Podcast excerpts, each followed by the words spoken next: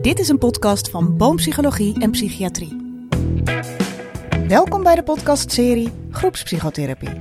Deze podcast maken we naar aanleiding van het verschijnen van het nieuwe leerboek Groepspsychotherapie.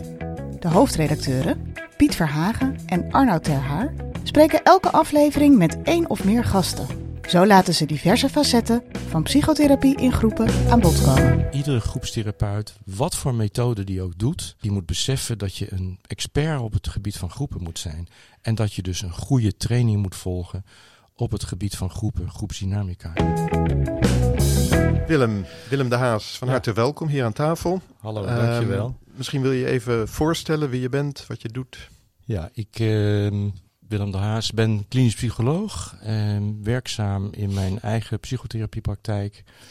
Waar ik uh, nog een beetje leertherapie doe, maar vooral onderwijsdingen. Dus vooral heel veel supervisie, um, heel veel cursus geven. Vooral cursussen in de groepspsychotherapie en in de groepsdynamica, maar ook leiding geven aan een behandelteam. En dat doe ik in Amsterdam, maar ook in Groningen. Ja, dat is denk ik een beetje wat ik zo kan zeggen. Ja, helder, helder. Over de groepsdynamica gaan we het zo uh, met je hebben. Zijn we benieuwd wat je daarover Zeker. te vertellen hebt.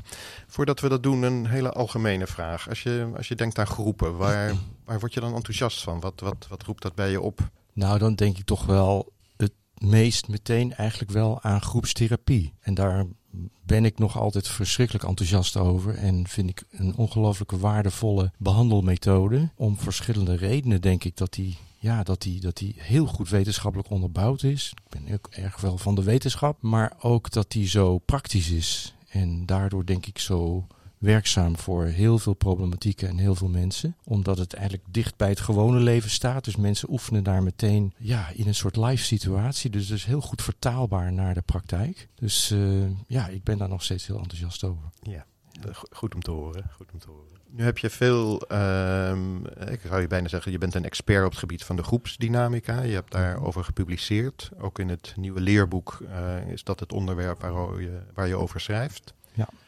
Wat is groepsdynamica eigenlijk? Het is zo'n mooi woord, maar wat, wat, wat is het nou precies? Nou, ik beschouw het eigenlijk als een verzamelnaam van een breed wetenschappelijk vakgebied wat gaat over. Het is eigenlijk de wetenschap van de kleine groep.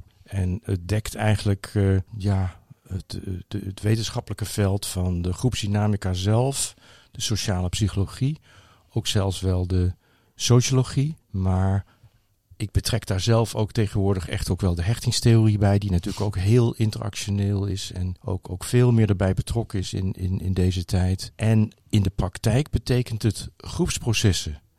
Groepsprocessen. Want dat is toch wel een van de allerbelangrijkste kenmerken van, van de kleine groep. Dat er allerlei spontane interactionele processen plaatsvinden tussen de mensen. Die emoties met zich meebrengen, die gedrag met zich meebrengen. Wat een zekere wetmatigheid heeft. En dat is wat die groepsdynamica in de, in, in de 50, 60 jaar, 70 jaar dat ze bestaat. Misschien iets meer, 80 jaar. Net voor de oorlog begonnen met Kurt Lewin die naar Amerika is gegaan, heeft ontdekt. Eigenlijk een soort wetmatigheden van hoe dat gaat in groepen. Ja, en, en kan, je, kan je iets zeggen over die wetmatigheid? Wat voor ingrediënten zitten er in die wetmatigheid? Nou ja, als je een groep een tijdje bijeenbrengt, en zo hebben ze die groepsdynamica ook ontdekt, doordat ze de, in de training laboratories, zoals ze dat in Amerika noemden, gewoon groepen studenten bij elkaar gezet hebben en gekeken wat gebeurt er dan spontaan. En dan ontstaat er altijd iets van cohesie. Dus mensen gaan altijd op een manier een soort verbond met elkaar aan. En dat heeft ook te maken met dat men veiligheid wil. Dat groepen zijn toch in eerste instantie een beetje spannend voor iedereen. Dat kennen we ook uit de groepstherapie. Dus mensen hebben altijd die veiligheid nodig en gaan dan bij elkaar. En dat wordt, dat wordt een ja, dat wordt een soort interactioneel hechtingssysteem. daar komt ook de hechting om de hoek kijken. En dat gebeurt eigenlijk altijd.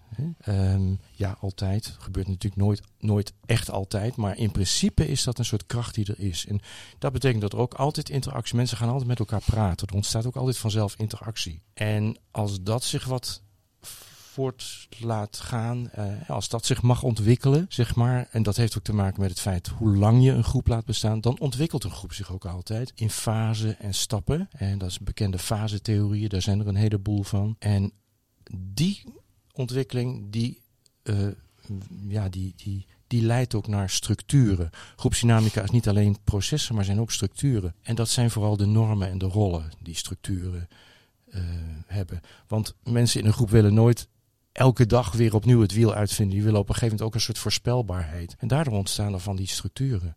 Dus men wil collectieve structuren zijn de normen. Hè, van als je hier bent, dan doe je altijd zo en niet zo. En individuele structuren, dat zijn de rollen. Oh, daar heb je Piet, die maakt altijd een grapje. Of, uh, of daar heb je Arnoud, die is altijd heel serieus. Ja, nou, je slaat de spijker op de kop. Uh. Ja, ja. ja. Mag ik iets vragen? Want Willem, het viel me op, uh, uh, daar ben ik benieuwd naar. Zo, zowel in je introductie als toen je net begon over de groepsdynamica, zette je twee keer een uh, dikke streep onder de wetenschappelijkheid. Kennelijk is, is dat belangrijk om dat te onderstrepen. Klopt dat?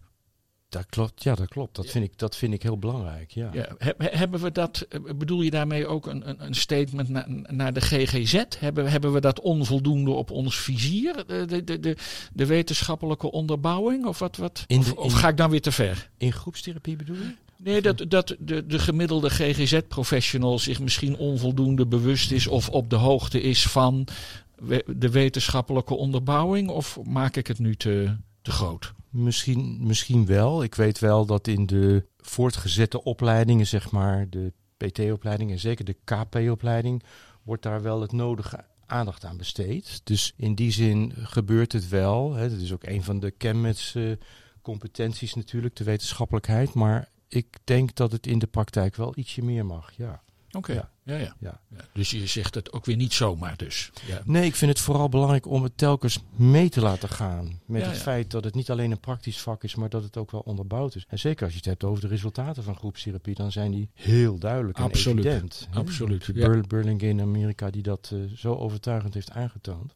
En ik ben bang dat dat lang niet overal doordringt in okay. de GGZ-veld. Okay. Daar zou meer aandacht aan besteed kunnen worden. Ja, er zou veel meer aandacht aan besteed worden, ja ik, ik zat nog even aan iets anders te denken. Want je zegt, in zo'n groep ontvouwt zich de cohesie. Er ontstaan normen, er ontstaan rollen. Mm -hmm.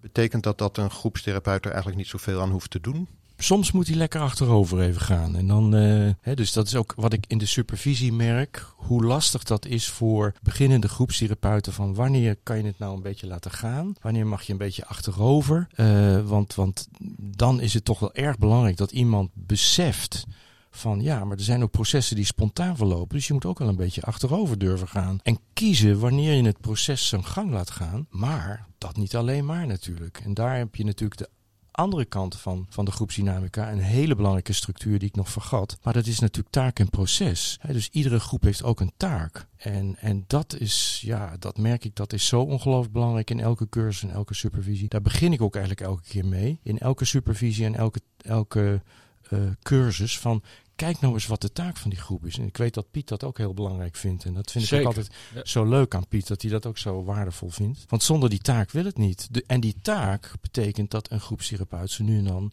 heel actief moet zijn. Ja.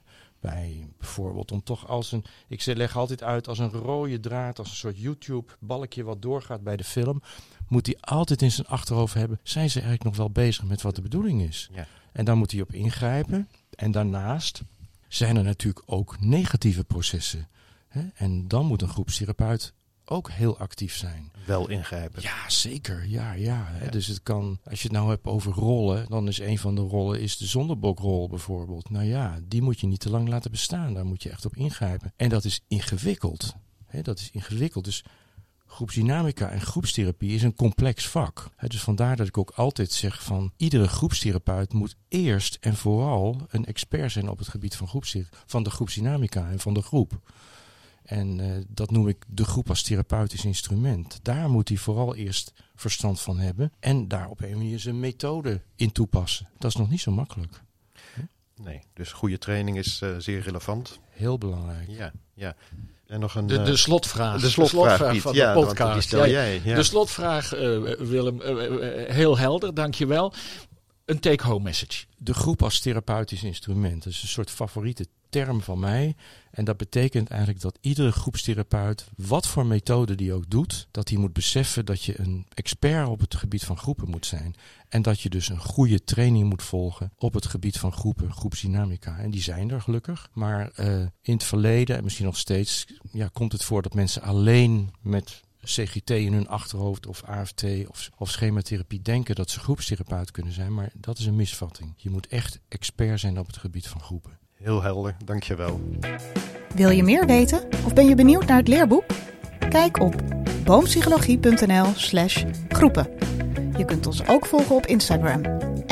boom-psychologie-psychiatrie. Of kijk even in de show notes bij deze podcast. Bedankt voor het luisteren.